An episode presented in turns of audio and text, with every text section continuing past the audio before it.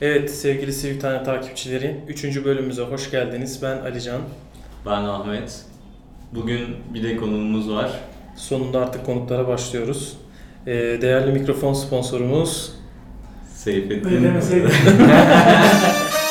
Shake your body, baby, do that conga. No, you can't control yourself any longer. Come on, shake your body, baby, do that conga. No, you can't control yourself any longer.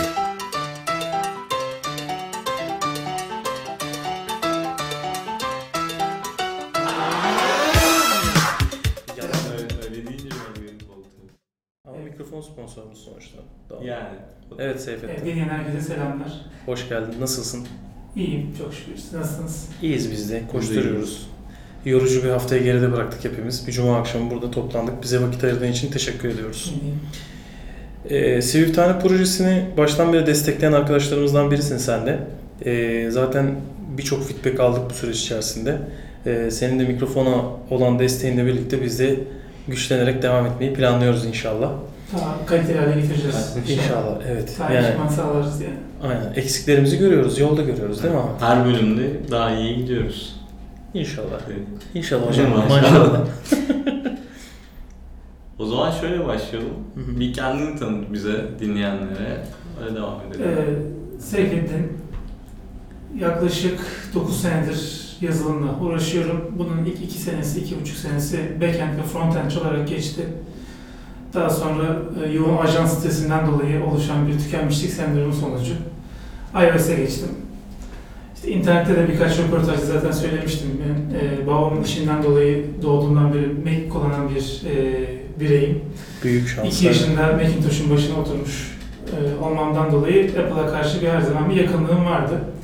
Daha sonra tükenmişlik sendromunun da beni itmesiyle dedim ben artık iPhone programlamaya gireceğim. O zaman da iPhone çok böyle cafcaflıydı 2010-2011 falan gibi.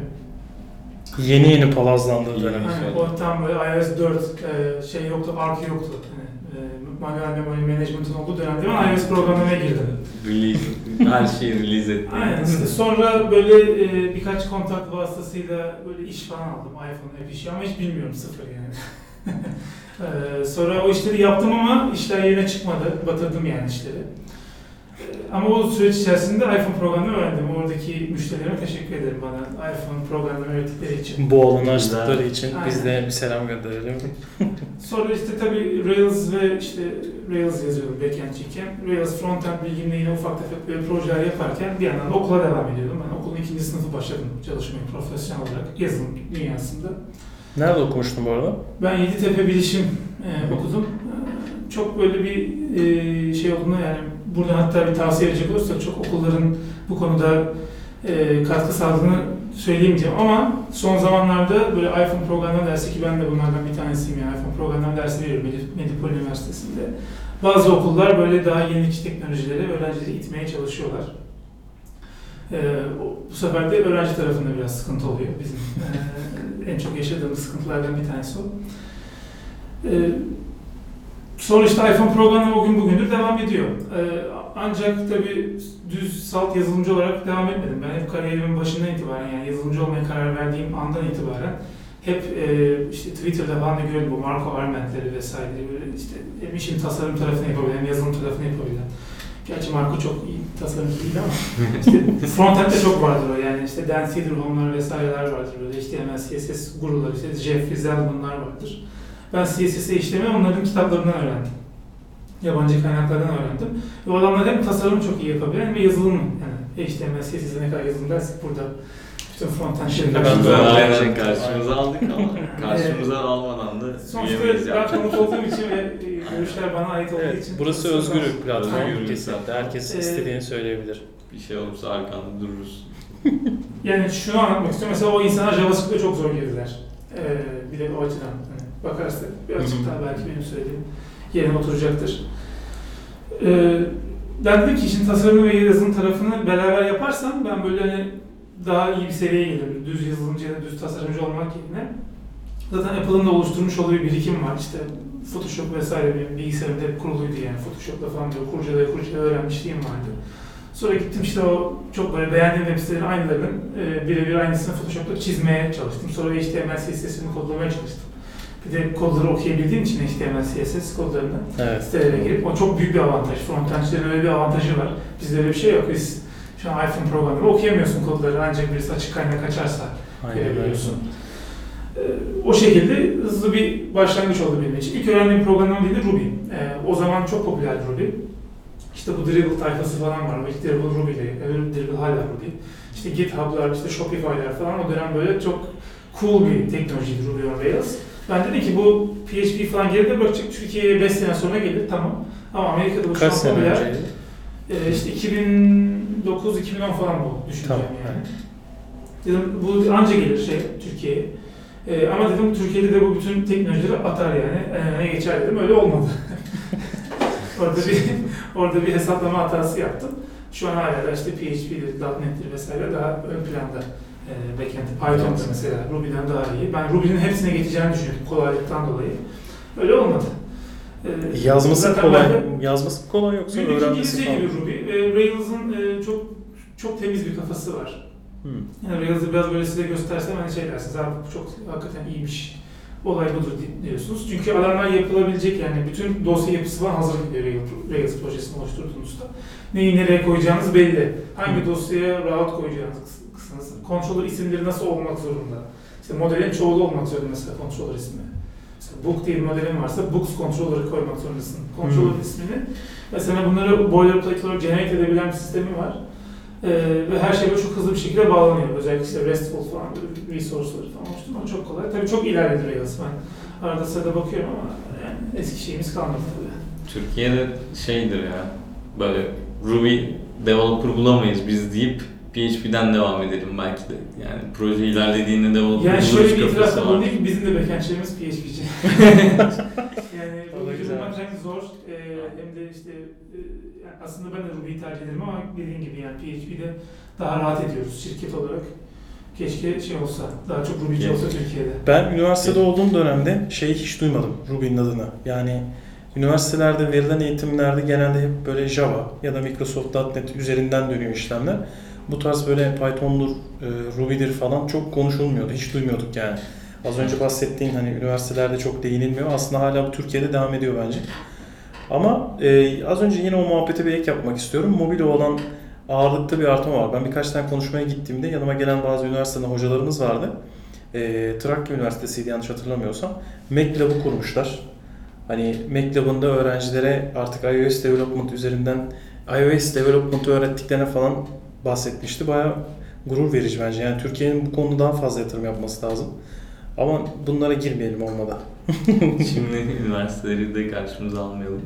Ama ne kadar çok karşımıza alırsak o kadar reytingimiz artıyor bu ülkede. Yok yani gerçekten Mac laboratuvarına işte efendime söyleyeyim e, iOS programlamaya, onun için hoca aramaya, dışarıdan gerekirse hoca bulmaya yani akademik kadrolu ki ben öyleyim yani. Dışarıdan sözleşmeli hocayım. Arayan üniversiteler Araya girmek istedim. Dışarıdan sözleşmeli hoca dediğin akademik bir kariyerin olmadan hocalık Evet, yapmak gibi bir yok şey doktoram da yok. Hı, Ama yüzden- eğitim verebiliyorsun. Aynen. Dışarıdan eğitim. Bunun için ne yapmak gerekiyor? Yani bunu Aynen. düşünen arkadaşlarımız varsa onlar da öğrensin diye diyorum. Yani üniversiteler genelde sizinle kontak kuruyor yani. Ben benden önce İlter veriyormuş o dersi. İlter. Cengiz. E, İlter Cengiz e, yurt dışına taşınırken bana dedi ki sen devralmak ister misin dersi dedi. E, kontak bilgilerini vermiş. Bana ulaştılar. Biz öyle e, devraldık yani. E, Anladım. böyle spesifik olarak gidip de beni alın hocalık yapayım demedim. Zaten Öğreteyim. Ya böyle her üniversitede birkaç kişi yetişse sektörü iOS özelinde bayağı rahatlatır aslında. Yani aslında bizim planlarımız vardı. Yani e, sıfırdan başlangıç olarak değil de en azından belli bir seviyeye kendisini getirmiş. Çünkü hiç bilmeyen bir insana onu hevesi kazandırmak, öğretmek, ona Mac aldırmak vesaire onlar zor işler. Kesinlikle. Zaten bizim en büyük giriş bariyerimiz Macintosh gereksinimi olması yazılımda. Kesinlikle. İnsan ki şu anki Mac'lerin fiyatlarını da biliyorsunuz, e, ver- vergileridir, bu doların artmasıdır vesaire. Çok e, zor şartlarda alınıyor bir Macintosh. O yüzden artık gittikçe bu bariyer yükseliyor ve e, iOS programlarına girecek insanlar gerçekten bu işi isteyen ve hevesli olan insanlar ve maddi imkan olan insanlar oluyor. E, En yani bizim mesela. İstanbul'da şey diye bir projemiz vardı. İlk başta baş, e, bir buçuk sene evvel vesaire. Dedik ki iOS'te anlaması zor konuları Türkçe anlatalım. Yani işte Grand Central Dispatch mesela işte Concurrency vesaire, işte Core Data ya da ne bileyim. Core Animation. Ee, normalde işte Türkçe kaynaklarda kolay kolay bulamayacakları. Çünkü mesela internetten böyle JSON çekip de onu böyle bir table view'da gösteren bir app yapmak iyi anlatan çok fazla kaynak var benim bildiğim kadarıyla. Yani Var, kitaplar var. vesaire de var kitapçılarda. Ama bu anlattığım şeyleri anlatan çok nadir. İngilizce'de bile nadir olan şeyler var. Hani burada gerçekten tecrübeli insanların oturup e, bu işi yapan daha intermediate seviyede olan ama bu konseptleri bilmek isteyen, bildikleri zaman ufuklarını çok açacak konuları Türkçe anlatalım istedim. Şimdi ben bunu deyince bana çok baskı olacak muhtemelen bunu niye yapmadınız vesaire diye. Bu hala Evet, tartışılıyor bu arada. Sürekli falan. Yani bu e, çok ciddi bir vakit isteyen ve e, dikkat ve detay isteyen bir iş. O yüzden şöyle bir e, hızlı başlangıç yapalım dedik. En İstanbul'a Medium yayını açtık. Ve dedik ki buraya insanlar Türkçe, İngilizce fark etmez içerik girebilsinler. E, medium.com slash İstanbul adresine girerlerse orada oluşturulan yazıları görecekler. Çok tabii böyle şey değil, hani haftada böyle 10-15 yazı gelsin çok isteriz ama şu an 2-3 yazı falan geliyor haftada. Bu bile çok iyi. Yani çok ilginç konular öğrendim ben oradan. Benim bilmediğim bir sürü şey yazmış arkadaşlar. Kalemlerine sağlık diyelim. Kesinlikle. yani. Community'yi de keyifli kılan şey zaten bu oluyor gerçekten ya. Bu arada hemen ona bir değinmek istiyorum. Yani İstanbul'un kurucularındansın. Evet ilk Ya o da bir Başka. süreci var. Biraz ondan bahsetmek Nasıl, ister misin? nasıl başladı? Aynen bundan bahsedersen. Yani İstanbul aslında e, ben Bu arada Evet. çok özür dilerim. Enes İstanbul'u biz böyle e, topluma söylediğimiz zaman ne olduğunu anlamayanlar var. Hı hı. İstersen ilk oradan başlayabiliriz. Yani, Enes İstanbul isim olarak. En temel. Aynen. Yani NS Next Step'in kısaltılmışı. Next Step e, Steve Jobs'un Apple'dan 80'lerde kovulduktan sonra kurduğu Next şirketinin işletim sistemi. Bunlar Evet. kendi bilgisayarlarını üretiyorlardı. Genellikle akademik insanlara yönelik cihazlar yapıyorlardı. İçindeki işletim sistemi de Avi Teranyan tarafından yazılan Next Step diye bir işletim sistemi var. Bu Next Step işletim sisteminin içerisinde Foundation diye bir framework. Bu Foundation framework için temeli yani. Foundation temel demek zaten. İşte stringler, number'lar vesaire. Bunun her birinin başına class prefiksi olarak baş harfleriyle NS yazıyorlar. O yüzden biz iOS programlamada Swift gelene kadar özellikle Swift'i NS'ye atıp düz string vesaire diye classlar getirdiler. Ee, her class neredeyse NS ile başlıyordu Foundation ile ilgili. UI kit değilse. Ee, biz de e, hani iOS programlamayla alakalı bir başlık olduğu için NS ile yanında İstanbul koyduk. Ama aslında bu isme karar veren ben değilim. Bunun hikayesi daha bir farklı. Şöyle, e, bundan önce, bizden önce Kokois diye bir şey vardı. E, community vardı. Ve ben bu Kokois'in aslında organizasyon takımında yer alıyordum. Daha sonradan e, fark ettim ki Kokois etkinlikleri böyle ayda bir olmuyor yurt dışındaki gibi.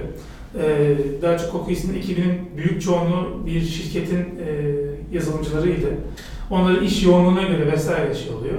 İşte bana da mesela sen aç vesaire diyorlar ama o zaman da işte kopukluk oluyor çünkü mekan onların mekanı, orada yapılıyor. Bir de e, ben bir grup e, bizim etkinliğe katılmayan developerlarla konuştuğum zaman ya dediler işte o şirketin etkinliği değil mi kendi içinde yaptığı vesaire gibisinden. O zaman dedim ki yani bu community, bu topluluk olayı yani bir şirket adlandırılıyorsa bunda farklı bir şey yapmak gerek ama herhangi bir böyle niyetim yoktu yani böyle yeni bir işte community kurayım vesaire diye bir şey yoktu. Ta ki biz e, bu Alama Fire ve AF Networking yazan Matt Thompson'ı İstanbul'a getirene kadar. Code.io konferansı vardı 2013'te.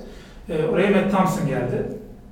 Ve biz Matt Thompson'la işte akşam yemeğinden sonra böyle dışarıda sohbet ederken e, böyle böyle dedim işte bizim community durumları böyle dedik. Sen de niye kendi community'ni kurmuyorsun dedi. Dedim yani benim olmak zorunda değil, insanların komünitesi olsun. Dedi ben de seni şeye tanıştırayım. Bizim dedi San Francisco'da Enes Meetup var dedi. Ben önce şey dedim, Coco Heads İstanbul gibi bir şey mi konuştum? Coco Heads dünyada her yerde var. Yok ya dedi Coco Heads dedi eski dedi artık onlar dedi dinozor oldu falan dedi. Coco Heads'i de karşımıza aldı.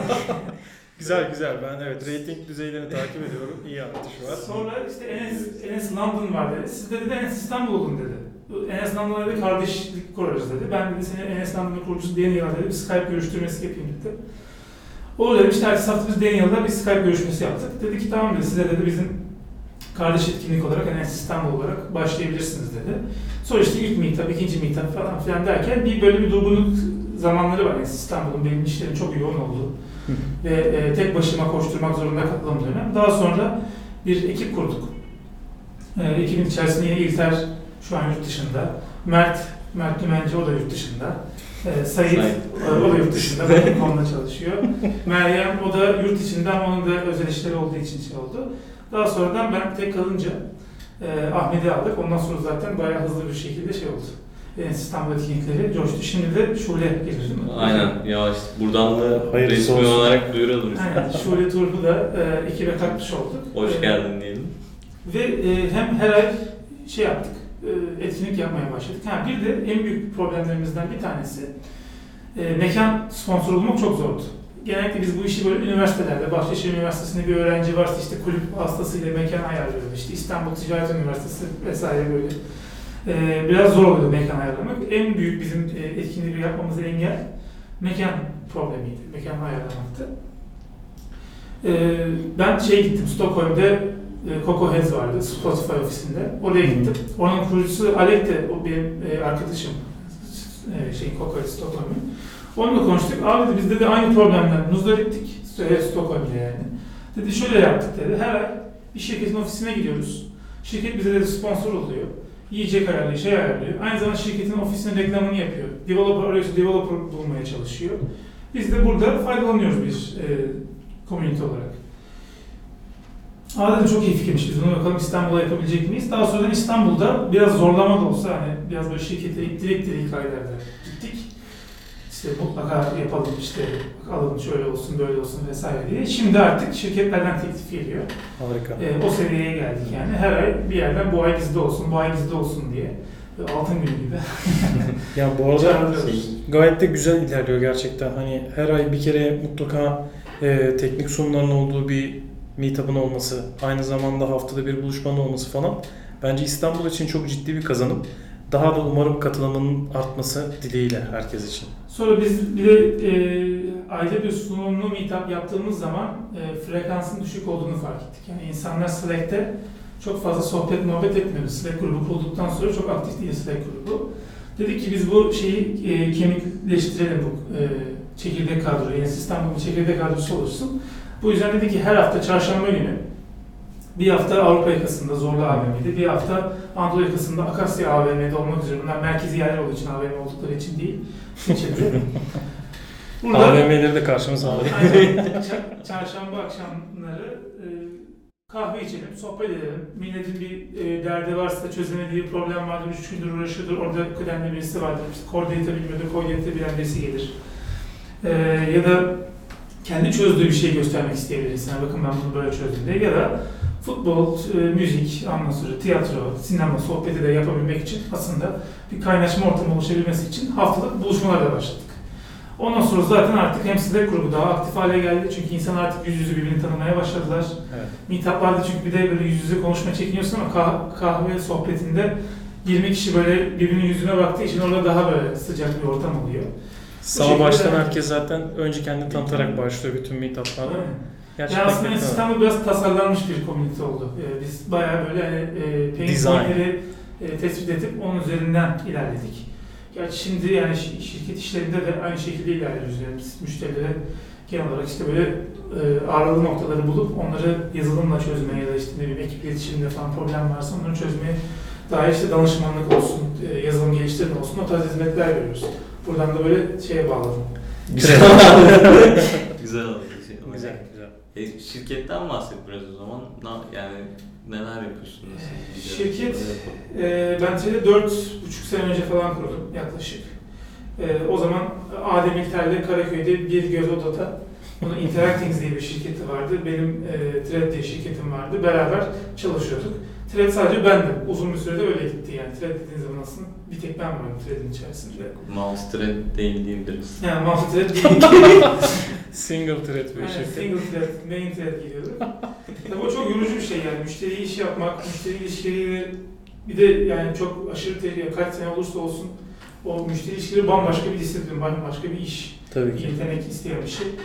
Onları öğrenme işte, ondan sonra bir şekilde işte kirayı ödeme, ofisin kirasını, şirketi yönetimi onlar bayağı sıkıntılı ve e, bir yandan da keyifli bir süreçti. Burada e, benim merak ettiğim husus Türkiye'de şimdi mobil sektörü olan ağırlık ortada aslında. Çok yani evet ciddi yatırımlar dönüyor ama startup kafasına girebilmiş değil. Şimdi Thread olarak sen bu işe başladığından bugüne kadar nasıl tutundun? Yani işleri bağlama konusunda olsun. Ya tabiri caizse nasıl para kazandın?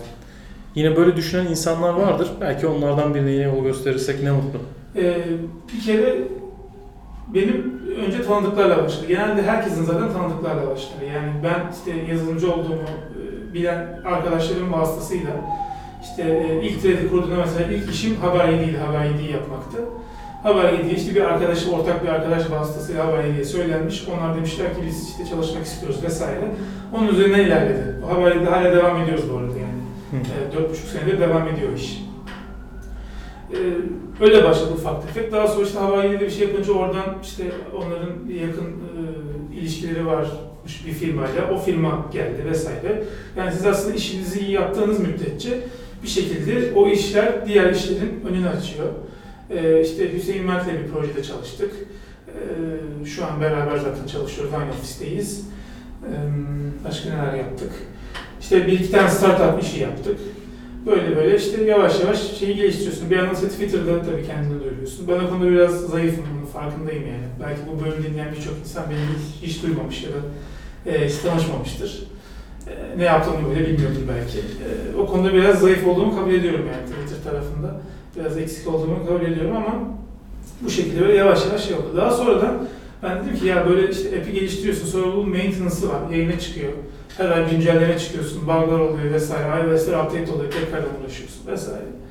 Bu dedim bu böyle şey değil yani, bu büyük bir iş değil. Yani bir yerden sonra bu beni çok ciddi tüketecek. Ve e, hem ekip kurmaya karar verdim. Dedim bir açık daha şeyi büyüteyim, işi büyüteyim. E, bir yandan da e, artık sadece işin yazılım tarafında değil, tasarım tarafında da e, ürün fikir aşamasından prototiplenmeye, işte kullanıcı araştırmalarından Ertuğrul'a çıktıktan sonraki işte maintenance vesaire sürecine kadar komple bütün süreci şey yapayım. E, bu hizmeti vereyim yani. Bu, bunu e, bu formata geçireyim dedim. O gün bugündür çok şükür bayağı rahatız. E, tabii o da öyle hemen böyle hadi bunu yapalım, şimdi açtık dükkanı deyip böyle işte fiyat kartelasını koyup böyle e, işleri... Selamünaleyküm ben geldim diye. Aynen, aynen işler böyle yürüsün falan diye yapılmıyor tabii. Tabii. Orada bayağı ciddi öğrenme, biraz acı çekme şey süreci var.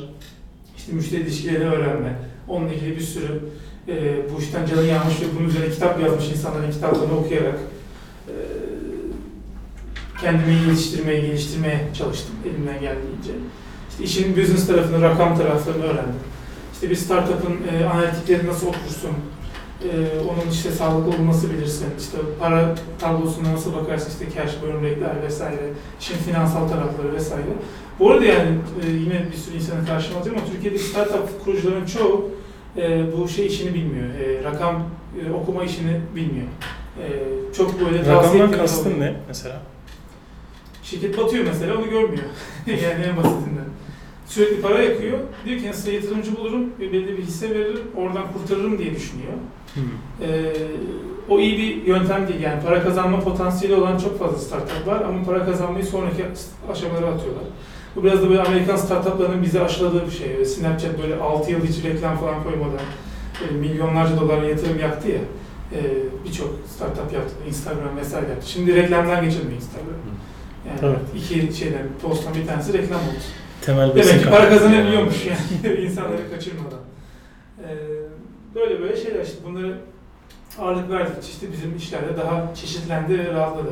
Biraz tabii developer'ın da böyle farklı farklı işlere bakma ihtiyacı var yani canı sıkılıyor.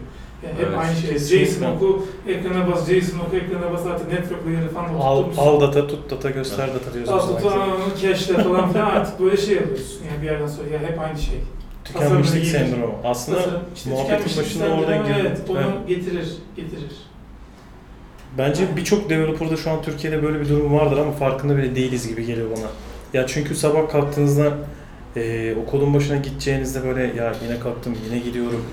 Ya akşam ne olacak? Akşam çıkıyorsun bitmişsin zaten İstanbul'da yaşayanlar için özellikle trafik Evet. iyice böyle üstüne katıyor falan. Farkındalık yaratılması gereken bir alan olduğunu düşünüyorum ben. Yani tükenmişlik sendromu fark etmiyorsun bu arada. Sıkıntı fark ettirmiyor. Psikolojik bir rahatsızlık bu arada zaten fark edilmiyormuş temelinde. Yani psikolojik bir rahatsızlık ve fark, edip, fark etmiyorsun. Yani. İşte o belki- en büyük problem. En son yumurta kapıya dayandığında iş patlaman seviyesine geliyor. O zaman da elin ayağın çekiliyor zaten. Hiç yapasın gelmiyor bana olduğu gibi. Ya bu konuda e, biraz araştırma yaptım. İlgimi çeken bir mevzu. Çok kısa değinmek istiyorum. E, tükenmişlik sendromuna kapıldığınızı gerçekten fark etmiyorsunuz. Ama e, kapılmamak için ne yapmak lazım derseniz e, mesela enerjiniz var. Ko- Bir iş yapıyorsunuz, onu bitirmek istiyorsunuz bir an önce. Enerjinizin olduğunu da hissediyorsunuz. Patır kütür patır kütür sabah akşamdan işte sabah 9'dan akşam 12'ye kadar falan kod yazma durumları oluyor bizim meslekte. Ee, uzmanlar diyor ki işte bunu bu şekilde yapma diyor. Kendine belli başlı bir programın olsun. Sabah 8'de başladın, akşam 5'te bitir diyor. O kalan enerjinde de kendine bir zaman ayır diyor. Şimdi bütün enerjini işe harcayıp iş bittikten sonra ya ben o kadar uğraştım da bu, bu mu olacaktı dediğin zaman zaten ilk fişeği ateşliyormuşsun. Tükenmişlik sendromu ile ilgili. Böyle bir belki farkındalık yaratmak faydalı olur Kesinlikle. herkese de. Evet. Kesinlikle. Peki e, yani biraz tanıdık seni. Çok teşekkürler Seyfettin. E, Biraz kendimi anlatmış gibi oldum ama ilk başta Yok, inşallah sıkılmamıştır. evet. İstediğimiz de buydu açıkçası yani. Biz hani Swifthane'deki hedeflerimizden biri de bu Ahmet kardeşimin hani e, Swift sohbeti olsun, iOS üzerinde bir şeyler olsun ama aynı zamanda Türkiye'de e, bilançomuza göre 6500 tane falan iOS developer var ama nerede bunlar diyoruz. Ya bu programda insanlara iOS developerları burada gelip biraz da pi- piyasaya, community'ye tanıtmak istiyoruz. Ya buna da ilk sen de başlamış olduk. İnşallah böyle de devam eder. Yani normalde biz böyle sezon sezon gidelim diyoruz ama aldığımız feedbackler baya baya ne olur 100 bölüm gidin, 200 bölüm gidin tarzı oluyor. 6500'e kadar yolu var. Evet yani bilanço tutturursak ama onlar oradaki sıkıntı şu bulamıyoruz. Neredesiniz? Yani onların da bize gelmesi lazım aslında. Yani Çok- İstanbul'da da biz onu çok yaşadık. Yani diyorum bu Evet. kadar developer var. Mesela görüyorum konferanslarda falan. Siz diyorum niye gelmiyorsunuz falan. Abi diyor ben diyor 9-5 işim akşam eve gidiyorum. Tükenmiş. Evet. İşte bak kaybol, kaybettik onu. Ben yani çok community community beni çok interes etmiyor. diyorum. Ya ben de o, o düşünceyi biraz eleştirmek istiyorum. Biraz daha insan karşımıza alırsak reytingimiz iyice Ya artar. şöyle aslında bir gelseler e, çok farklı olacak. Yani o hissiyat çok başka bir şey. Çok Mesela bir. WWDC etkinliğimize gelseler o çok başka bir şey yani. Oradaki Evet, oradaki ortam çok başka. Yani bir şey öğrendiğin, bir şey öğreniyorsun bu işte. Birilerine de bir şey öğretmenin hazzı var. Onun da bir lezzeti var. Ya ama insanlar biraz kaçınıyor bundan. Yani inşallah hepsi böyle katılımcı olurlar. Çünkü kazanan e, hepimiz oluyoruz o zaman. Yani bilgi paylaştıkça güzel diye bir motto var. Hakikaten de öyle. Yani ne kadar çok bilirsek hepimiz o kadar yükseğe çıkacağız. Kendimizi çıkarmış oluyoruz, çalıştığımız şirketi çıkarmış oluyoruz, ülkeyi çıkarmış oluyoruz. Ki bence temel bir vatandaşın görevi de bu olmalı diye düşünüyorum ben şahsen. Aslında şey yani burada gelen kişilere çok iş düşüyor. Anlatmaları hani sen de gel belki senden bir şey öğrenenler olur. Belki sen birilerinden bir şeyler öğ- öğrenirsin gibi böyle zorla elinden tutup getirme gibi bir şeyler olması gerekiyor. Ki zaman zaman da yapıyoruz yani bunu. Aynen. Çünkü orada minik bir kıvılcım lazım. Çocuk bunu anlatmak istiyor. İçin içinde olmak istiyor ama ilk o medeni cesaretini biraz oluşturmak lazım. Hani ittirmek gerekiyor. E burada da zaten böyle herkes kardeş kardeşe. İttiriyorsun herkes yani inşallah da böyle devam eder. Yani bu çok kıymetli. Bunu korumanız dileğiyle. Yani sunum yapma bilinci biraz Türkiye'de oluşmuyor insanlar. Ee, mesela üniversitelerde de sunum dersi veriyorlar ve orada bir tane ya da iki tane sunum yapılıyor. Genellikle böyle hani bu sunumu atlatayım da ondan sonra zaten bir daha yapmam kafasıyla yaklaştığı için öğrenciler. Ee, sunum yapmaktan çok çekilen bir kitle var. Yani biz çok arkadaşı darladık. Bak sen bu konuda iyisin, kalk sunum yap, bak çık anlat vesaire ama işte ya teklersem ya işte insanlar şey yaparsa, yargılarsa. Şey yapsın. Yani beni kesin yargılıyorlardır. Yani kaç tane sunum oldu benim en İstanbul'da? Bir 10-15 olmuştur herhalde. Toplamda yapsam. Yani e, Ya zaten bundan, bundan korksaydım yani çünkü şöyle senin anlattığın şeyden belki bir cümlenden bile bir şey öğrenen, onu iyice onu deneyen ve onu geliştiren insanlar var. E, çok fazla çekinmemek lazım. Bir de bu iş böyle yaptıkça Öyle. iyileşen bir şey. İlk sunumunda çok heyecan alıyorsun, ellerin terliyor, ellerin ayakların titriyor, işte lafları unutuyorsun, yutuyorsun vesaire. İkincide yavaş yavaş daha iyi oluyor, üçüncüde daha iyi oluyor, beşincide, altıncıdan itibaren yavaş yavaş artık o rahatlık geliyor. Yani hepimiz, ki ben çok sunum yaptım yani bugüne kadar, her sunumdan önce bir heyecan mutlaka oluyor fix zaten yani o geçmiyor. Ama o heyecanın derecesi gittikçe azalıyor. Bir de ne anlatacağınızı iyi bilirseniz, onu iyi çalışmışsanız o zaman zaten sunum yağ gibi geçer. En güzel. En İstanbul'da şey de güzel oluyor. Yani kitle de aslında farkında olayın. Hani sunum yapana soru soruluyor ya da sunum yapanın daha önce denemediği bir şey soru olarak geliyor. Hemen yandan daha önce kullanmış, o soruyu bilen biri yardım ediyor, şey yapıyor. Hı hı. Aslında herkes şey kafasında gibi geliyor bana. Bilgi önemli olan bilgi paylaşmak. Hani Tabii. sunumda teklemişim, tekleyememişim. Orada ya bir bilgi var. Kimden alabilirsem, o an sunum yapan kişiden olur, dinleyenden olur. O Ya bakımdan bu arada güzel bilmiyorsan şey. bilmiyorsun yani. Bu kim pisine, o nasıl bilmez falan demiyoruz. Öyle bir şimdiye kadar oldu mu bilmiyorum. Yok. Hiç denk gelmedi. Ben yani. de işte. Bilmiyorum yani konuyu bilmiyorum. Araştırayım, ben size geri döneyim ya da işte e, beraber bakarız e, sunumdan sonra vesaire gibisinden bir Ya, cevapla şey yapabilirsin. hepsini bilmek gibi bir lüks de yok zaten. Hani bu konuda da insanlar gayet anlayışlı. Ya, Sonrasında da olacaktır. Yani bilmediğiniz ya bu arada şeylerde mesela iş görüşmelerinde falan yahut insan ilişkisinde de bir şey bilmiyorsanız bilmiyorum demek lazım. Şu Cem Yılmaz'ın goy goyu var ya Faruk Eczanesi nerede abi biliyor musun? Faruk Eczanesi diye başlıyor falan. Yani bilmiyorsan bilmiyorum kardeşim. Uzatmanın manası yok. Aynen. Şimdi biraz konuyu şeye çekmek istiyorum ben. Ee, Swift hane olduğu için biraz böyle Swift üzerine gelmeye çalışalım.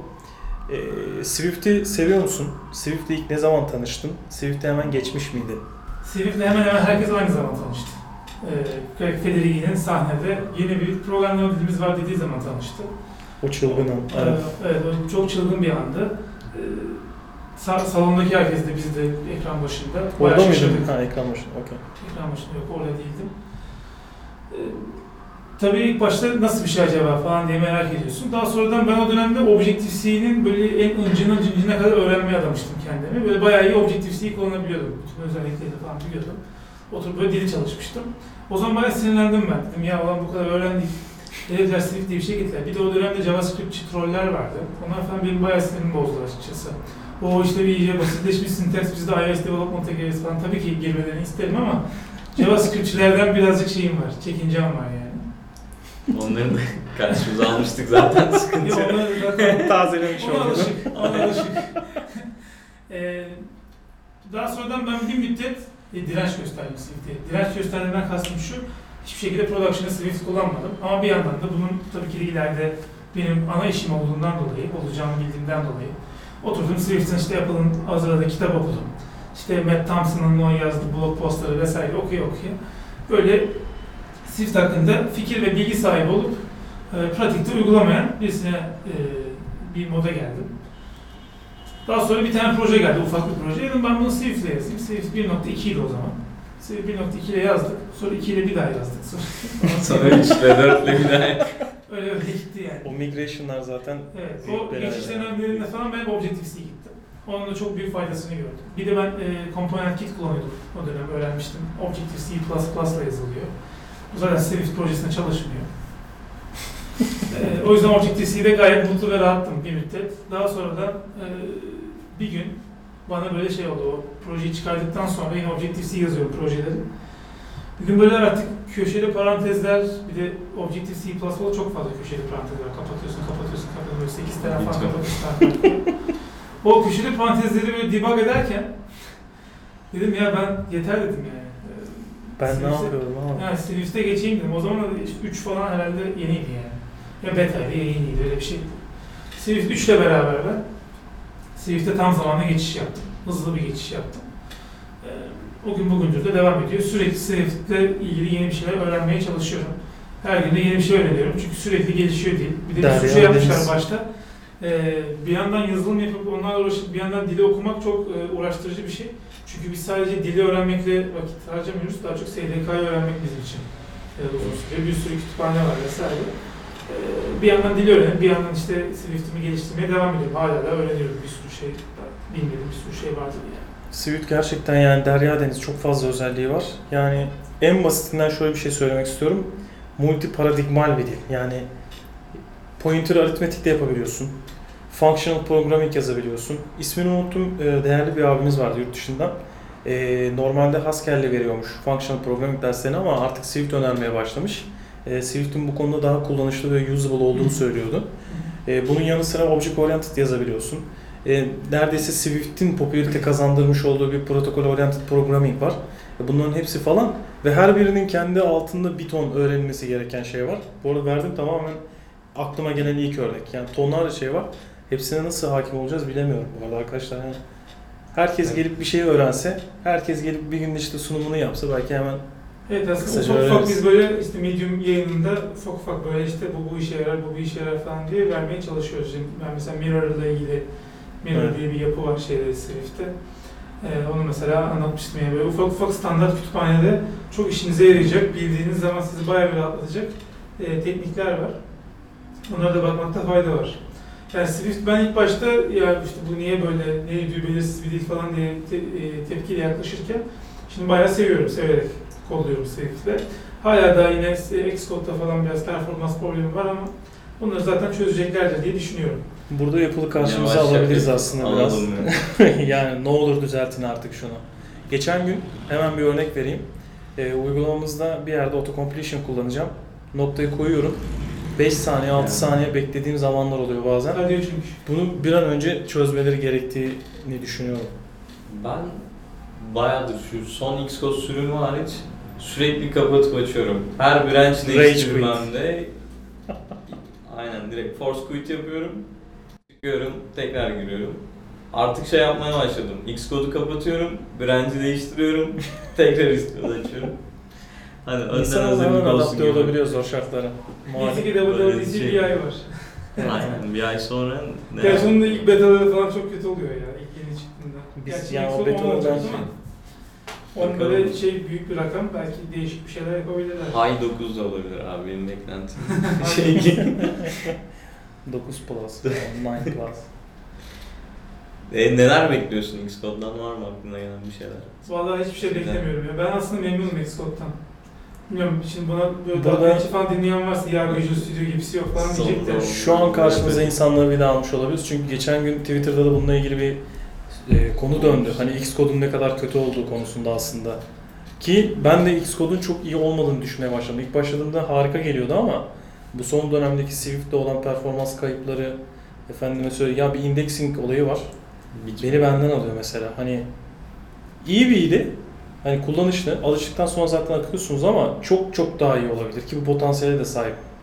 Sen peki neden e, Xcode'u çok seviyorsun? Arayüzü çok temiz. Benim için çok önemli bir şey. Ama mesela bütün e, template'i siyah çeviremiyorsun.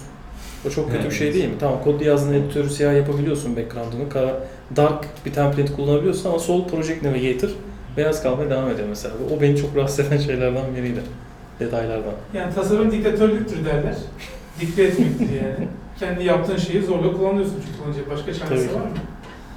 İşte biraz O da orada öyle Apple'a şey yapmak lazım yani. Onların tasarım kararı diyelim. Belki getirecekler de Dark Mode ya yani böyle asla gelmez falan diye düşünmemek lazım. Bu arada Xcode'un plugin yapısı da çok şey olmadı yani. Otur, oturmadı sanki. Aynen Alcatraz falan Çok iyi. yalan oldu. Ki kullanıyorduk. O zaman Yani çok güzel şeyler vardı. Şimdi plugin yapısı geldi. Hani daha çok ürün beklersin aslında. Daha çok katkı beklersin. Ama sanki ben hiçbir şey göremedim. Yeni Yani Var mı? yapmak gerekiyor. Extension olarak app sign edip onu release etmek gerekiyor. O çok uğraştırıcı bir şey. Bir de e, extension şeyinde e, ulaşabildiğiniz ve değiştirebildiğiniz şeyler sadece editörle alakalı şeyler. Böyle ekstra şeyler yok mesela. Eskiden şey falan yapıyorlar. Sağ üstte buton koyuyorlar da basıyordun mesela. Drive datayı istiyordu tak diye. Otomatik böyle şeyler vardı. Hızlı shortcutlar vardı. Coca-Cola update ediyordu falan böyle buton vardı. Sağ üstüne koyuyordu. Yani arayüze müdahale ediyordu. Şimdi artık öyle şeylere izin verilmiyor. Apple bu Biraz konularda security sebepli bunun şeyler. Mesela e, Scala Color diye e, Django'nun bir e, color editörü vardı. Şeyde color pan- panelde. Xcode'da işte storyboardlarda renk verirken o bayağı faydalı oluyor böyle kopyalayıp yapıştırabiliyordun falan böyle. Ona mesela kaldırdılar o color extension. Bütün programlarda çalışıyor, Xcode'da çalışmıyor. Dışarıdan bir extension olduğu için. Böyle böyle sıkıntılar var ama e, yine de Xcode'u ben bilmiyorum ya şey geliyor yani autocomplete falan böyle çok ekstensif ya. Daha böyle bir şey yazarken. Benim bilgisayarımda böyle böyle problemler yok ya. Böyle takır takır getiriyor ama sizin projeler çok büyük. Evet, Devasa projeler var sizde. dezavantajımız olabilir. Objective-C var, bir de Swift var. O zaman İkisinin şeyi o var. olur. Aynen. Zaten o sıkıntı orada oluyor benim bildiğim kadarıyla. Yani sadece Pure Swift yazdığın zaman Pure bile Swift daha bir imkanız. Ya ben dışarıdan sana kütüphaneye bir Objective-C kullanmıyorum. O kadar Pure Swift gidiyorum. Ee, Eğer yoksa Objective-C varsa oturup kendin yazıyorsun yani. Evet peki e, Seyfettin Swift'le ilgili mesela ya Swift'te şunun olduğuna çok mutluyum. Swift'i şu yüzden çok seviyorum dediğin özel bir neden var mı? Çok fazla var. Jenerikler, optional'lar, switch statement'lar, e, function'ların first class citizen olması, birinci sınıf vatandaş olarak sayılması, e, closure'lar. Yani Burada çok- modern olan özelliklerini beğeniyorum. Ee, bu function'ların first class citizen olmasını biraz açar mısın sevgili dinleyicilerimize? Yani Evet. Objective-C'de yoktu, burada var. Bu nasıl bir avantaj sağlıyor? sana? kısmı vardı da yani e, şimdi nasıl bir değişken işte bir integer string vesaire olabiliyorsa function'larda yine aynı şekilde in- integer ve string level'ında seviyesinde bir tip olarak kabul ediyor Swift'te. Bu yüzden e, hem işte tuple'ların içine konabiliyor hem fonksiyonel parametre olarak fonksiyon paslayabiliyorsunuz. Onlar return ederken fonksiyon return edebiliyorlar ki JavaScript'te de fonksiyon, function'lar bu şekilde çalışıyor bildiğim kadarıyla. JavaScript'i karşımıza aldık şimdi bir şey var. Aynen şimdi bir sözleşme- yaparsak. Biraz ya. kaybettik ratingi sanki. Neyse. Ee, bu çok güzel bir şey. Zaten functional programming'i de e, enable eden, e, kullanılmasına sebebiyet veren şey bu. E, fonksiyonun içerisinde fonksiyonlar paslayıp ondan sonra onların da fonksiyon return etmesi falan gibi böyle durumlar söz konusu. Eğer functional Swift kitabı var Objective-C'nin. Onun 20. sayfasına gelirseniz beyniniz yandığında o duman, o kokuyla beraber ne olduğunu anlamaya başlayabilirsiniz yani. Peki Güzel dünyalar. WWDC'de Swift'te bu sene bu olur dediğim bir şey var mı? Ahmet sana da sormuş olayım bu soruyu. Ee, Swift'te bu sene yani şöyle bir beklenti var birkaç senedir. Ee, gerçekleşir mi bilmiyorum. Ee, UI kit class'larını Swift'le rewrite edecekler gibi bir şey var yani işte UI button yerine button vesaire gibisinden. Böyle, e, böyle bir arka, arka tarafta böyle bir çalışma olduğuna dair bir e, söylenti var. Objective-C runtime'ından kurtarmak gibi. Ne kadar tutarlı olur bilmiyorum çünkü zaten hani iOS application'ları direkt işte UI application'dan çalışıyor. Objective-C runtime zaten start oluyor. Ön tarafta UI kit class'larını işte şey yapıyorsun, kullanıyorsun yani Swift'te gibi ne gibi anlaşıyor. Ama bu böyle bir rivayet hep var. Bir işte bu marzipan denilen bir e, husus var. E, bilmeyenleriniz varsa hani Apple marzipan kod adlı bir Hı hı. framework üzerine çalışıyor ve bu framework'le hem iOS'e hem macOS'e e, application deploy edebiliyor hale geleceğiz. Tek bir code base, single code base ve iki platformda birden çalışabiliyor olacak gibisinden bir söylenti var. Hatta e, doğrula, doğrulanmış da bir söylenti aslında. Ama bu sene değil seneye çıkacağı söyleniyor 2019'da. Çıkacağı belki bu sene tease ederler diyorlar WWDC'de. İstemiyorum. Şunu şöyle şiddetle karşıyım yani böyle bir şeye. Çünkü e, ben Macintosh uygulaması da geliştirdim. Müşteriye de iş yaptık. E, Mac uygulaması geliştirmek çok kolay. E, sanılanın aksine aşırı basit. Yani eğer iOS geliştiricisi iseniz zaten %90'ını yapmışsınız demektir. Çünkü aslında arka tarafta yaptığım networking'dir, işte modeldir, serialization'dır vesairedir. Bütün bunlar işte controller mantığı. Bunların hepsi e, oturmuş durumda. Zaten bunları biliyorsunuz. Sadece buna ek olarak AppKit eklemeniz gerekiyor. AppKit'te Apple dokümantasyonu gayet iyi. E, bu tarafta bir sıkıntı yok. Mesela AppKit'in içerisinde collection view'lar var. Aynı iOS'tekiyle birebir aynı çalışıyor. Birkaç tane Mac'e özel ekstra özellik e, eklenmiş şekilde. E, yine view controller'lar var macOS'ta. E, bir de eski AppKit mantığıyla gitmek yerine view controller'ları da kullanabilirsin. Ki Photos app'i mesela yapılan tamamen view controller'lar üzerinden gidiyor. Ee, AppKit'i öğrenmek bence yani bir haftada falan, ben bir haftada öğrenmiştim. Yani Macintosh app'i yazacağım dedim. Sonra oturdum bir haftada AppKit'i öğrendim. Sonra app'i yazdım çıkardım. Hem de bayağı da kompleks bir app'ti yani. Ee, wireframe'leri böyle sürükledi, SVG render edebilen falan böyle bayağı internetten veri çeken. SVG'leri alıp onları layer layer core graphics'i render eden. Sonra Hı. drag and drop yaptığın zaman da Sketch'e, işte Photoshop'a vesaire layer layer onu e, vektör olarak export edebilen e, bir app demek app'iydi. Subscription based falan da böyle subscription özellikleri falan da vardı. Bayağı bir sürü feature olan bir app'ti. E, Peki bunu iOS yazarak hani böyle bir uygulama çıkmanın sence bir dezavantajı var mı? nasıl yani? Yani muhabbetin başına geldiğimizde bu marzipan Hı. olayında. Yani şimdi Nasıl tamam. bir şey olacağını bilmiyorum. Yani e, nasıl bir şey yapacaklar hiçbir fikrim yok. Belki böyle size classes gibi bir şey yapacaklar. UI kit ile dümdüz kodlayacağız. E, hani macOS'te UI kit çalışıyor gibi olacak. Ne kadar feasible onu pek bilemedim. Yepyeni böyle UI kit'e alternatif bir şey çıkartırlarsa e, ilginç olabilir yani. Tabii bir sürü şey öğreneceksin belki. iOS tarafında. Ama bir kere yazdığında iki tarafı birden çalıştırabiliyor olacaksın. Yani çok e, cesur ve ciddi bir karar. Çünkü Apple'ın zaten AppKit adı altında 35 senelik ve artık bütün paradigmalara oturmuş bir şeyi var artık, framework'ü var. Neden bunun üzerine tekrardan bir şey yazıyorlar? Neden bu bariyeri e, kaldırmak istiyorlar aradan? Onu da anlayabilmiş değilim yani. Macintosh platformu e, App Store'u haricinde düşüşte olan bir platform değil bence. Yani şu an hala da bir sürü app'i çıkıyor. Daha yeni işte bizim kullandığımız tool'lar Tower'dır, Bee'dir. Yeni betalarını açıkladılar, duyurdular. Macintosh tarafında app yapabilen çok insan var ve çok iyi paralar dönüyor. Sen şimdi mesela iOS developerları da bunun içerisine girdiğin zaman hem o işte e, 30 senedir, 35 senedir Mac ilgisi alanların e, cirosunu da bir yandan bölmüş olacaksın. Bir de kendi App Store'u çöplüğe çevirmeye başlıyorsun. Çünkü o bariyeri kaldırmak demek bir sürü işte e, onu da karşımıza alalım ya Hindistan'da vesaireleri direkt Macintosh App Store'a açmış oluyorsun. Ee, yani Apple şu an iOS App Store'a ciddi bir temizlemeye gitmek zorunda kaldı. Bir sürü app'i, işte outdated app'ler, kötü yazılan clone app'ler vesaire onların hepsini kaldırmaya doğru e, şey yapıyor. Aynı şey Mac App Store'da da olacak eğer böyle giderse. Burada JavaScript'çileri tekrar karşımıza alıp şu elektron uygulamalarını bir girelim istiyorsanız. Yani elektronu gömeli bir konuya girmekten ziyade ben elektrona neden karşı olduğumu biraz anlatayım. Ee,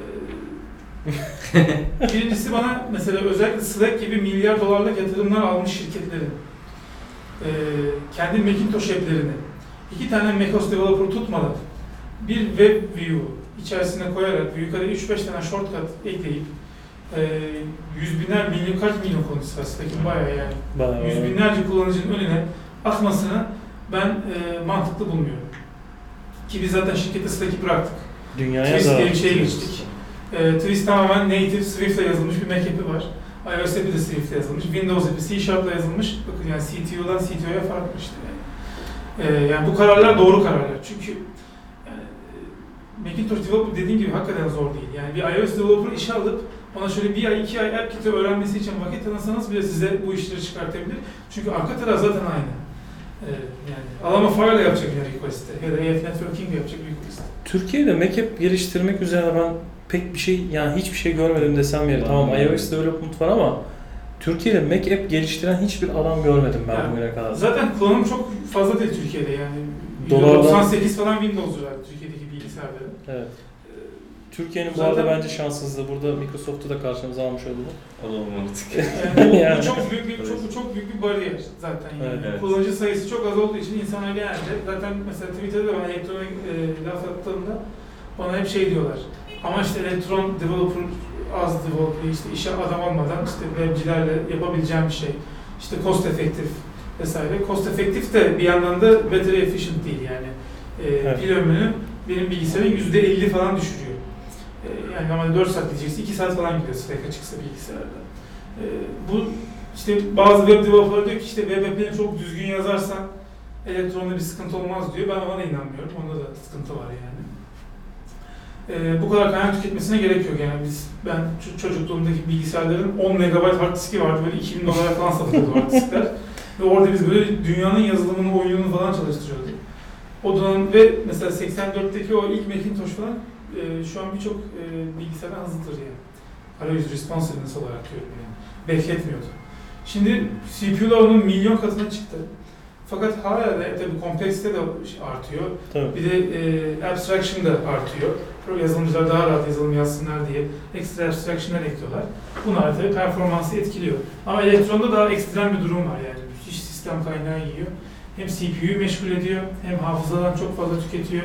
Ve 16 GB'lık böyle bir e, bilgisayarınız yoksa RAM'i olan e, Slack bayağı şey yani yük bilgisayarınıza. E, Xcode'la beraber falan çalışıyorsa bayağı yük. Bir de e, kötü diyecektim onu vazgeçeyim. Elektron kötü Evet. e, elektronun böyle sıkıntıları var.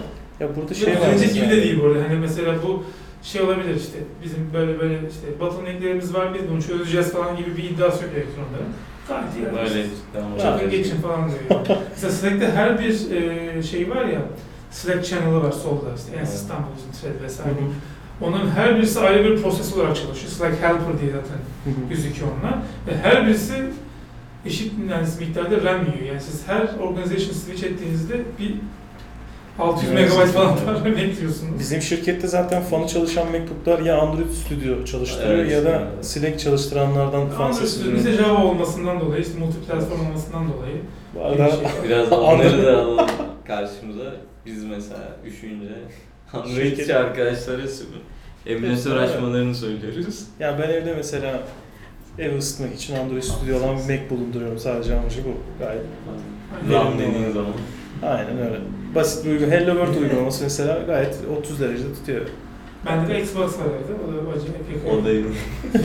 Dört tarafı açık Xbox. Şimdi böyle herkesi karşımıza aldık. Bir sonraki bölümü çeker miyiz? Artık Biz çekeriz. Yani onlar dinlerler mi? Bakarız artık orada kısmet. Yani e, native development zor değil özetle. Eğer Evet. developersanız bu işi hakikaten deneyin, girin. E, bir basit bir backup yapmaya çalışın. Mesela ben şimdi bir tane e, aklımda var yani e, GitLab kullanıyoruz biz şirkette. E, GitLab'ın düzgün bir issue tracker'ı yok. Böyle issue girebileceğim, onu assign edebileceğim insanlara, issue'ları Hmm. okuyabileceğim.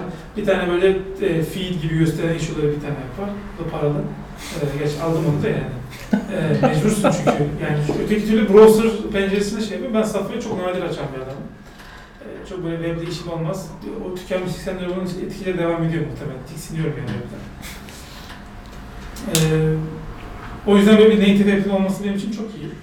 O yüzden böyle sırf kendim belki kullanmak için dışarıya açmadan böyle kendi issue'larımı görüp oradaki issue'ları assign edip e, developerlara e, bu şekilde ilerleyebileceğim bir backup yapmayı düşünüyorum. Yani backup yapmak zor değil. Tekrardan söylüyorum. Deneyin yani. E, bununla ilgili kaynak lazımsa ben e, show notlarına kaynak yazarım. Aynen, E, Big, Big Nerd Ranch'in Coco Programming for Mac OS X kitabı var. O zaten şey yani. E, Mesnevi Şerif gibi yani. Bu konuda böyle e, yol gösteren hayat felsefesi. E, birkaç tane internette güzel kitap var. Bir de WWDC'ye yakın zamanda bir iki tane daha Macintosh Development üzerine kitap indi, kitap çıkacakmış. Onları da e, link olarak koyarım. Güzel. Çıktı, çıktığı zaman konuda şey yaparlar. Tamam. Onu da açıklamalarımızdan bulabilirsiniz sevgili arkadaşlar. Evet sevgili Seyfettin Basraç. Üçüncü bölümümüzde seni ağırlamaktan büyük e, keyif almış durumdayız. Teşekkür ederim. Katıldığın için teşekkür ediyoruz. Ben teşekkür ederim. çok güzel muhabbet oldu. Tekrar belki yine Bir daha ilerleyen süreçte evet. Yani çok talep alıyoruz sevgili dinleyiciler. Yani biz de katılalım yayınınıza. Yurt dışından özellikle büyük e, rağbet var Sivithane'ye katılmak adına. Fırsat buldukça tabii biz de yani sıraya almaya çalışıyoruz bu e, taleplerin hepsini. evet tekrardan teşekkürler Seyfettin. Teşekkür ederim. Yani bir dahaki bölümde eğer böyle bir şey olursa e, o zaman daha çok ürün geliştirme ve işte bu Swift'in bu buradaki rolü vesaire gibi bir şeyle konuşulabilir. Evet, ya burada güzel bir noktaya değindin şu anlamda. Burada dinleyicilere şöyle bir seslenmek istiyorum. Ee, biz şimdi Swift dedik ama Swift- Swift'in çok özelinde teknik şeyler anlatıp sizleri baymak istemiyoruz. Maksadımız daha böyle e, işin uzmanlarından genel anlamda Swift ile ilgili bir şeyler dinlemeniz. Daha teknik şeyler öğrenmek istiyorsanız Enes İstanbul'da yapılan sunumlara bekliyoruz. Aynı zamanda da Twitter'da falan yani İstanbul'daki değerli developer kardeşlerimiz aktif olarak paylaşımlar bulunuyor, paylaşımlarda bulunuyorlar Medium hesaplarından vesaire. Oralardan da devam edebiliriz. Ee, lütfen bize yazın. Her türlü feedback'e olumlu olumsuz açığız. Teşekkür ederiz. Bir sonraki bölümde görüşmek üzere. Bye Ben teşekkür ederim. Come shake your body, baby, do that conga. No, you can't control yourself any longer. Come on, shake your body, baby, do that conga. No, you can't control yourself any longer.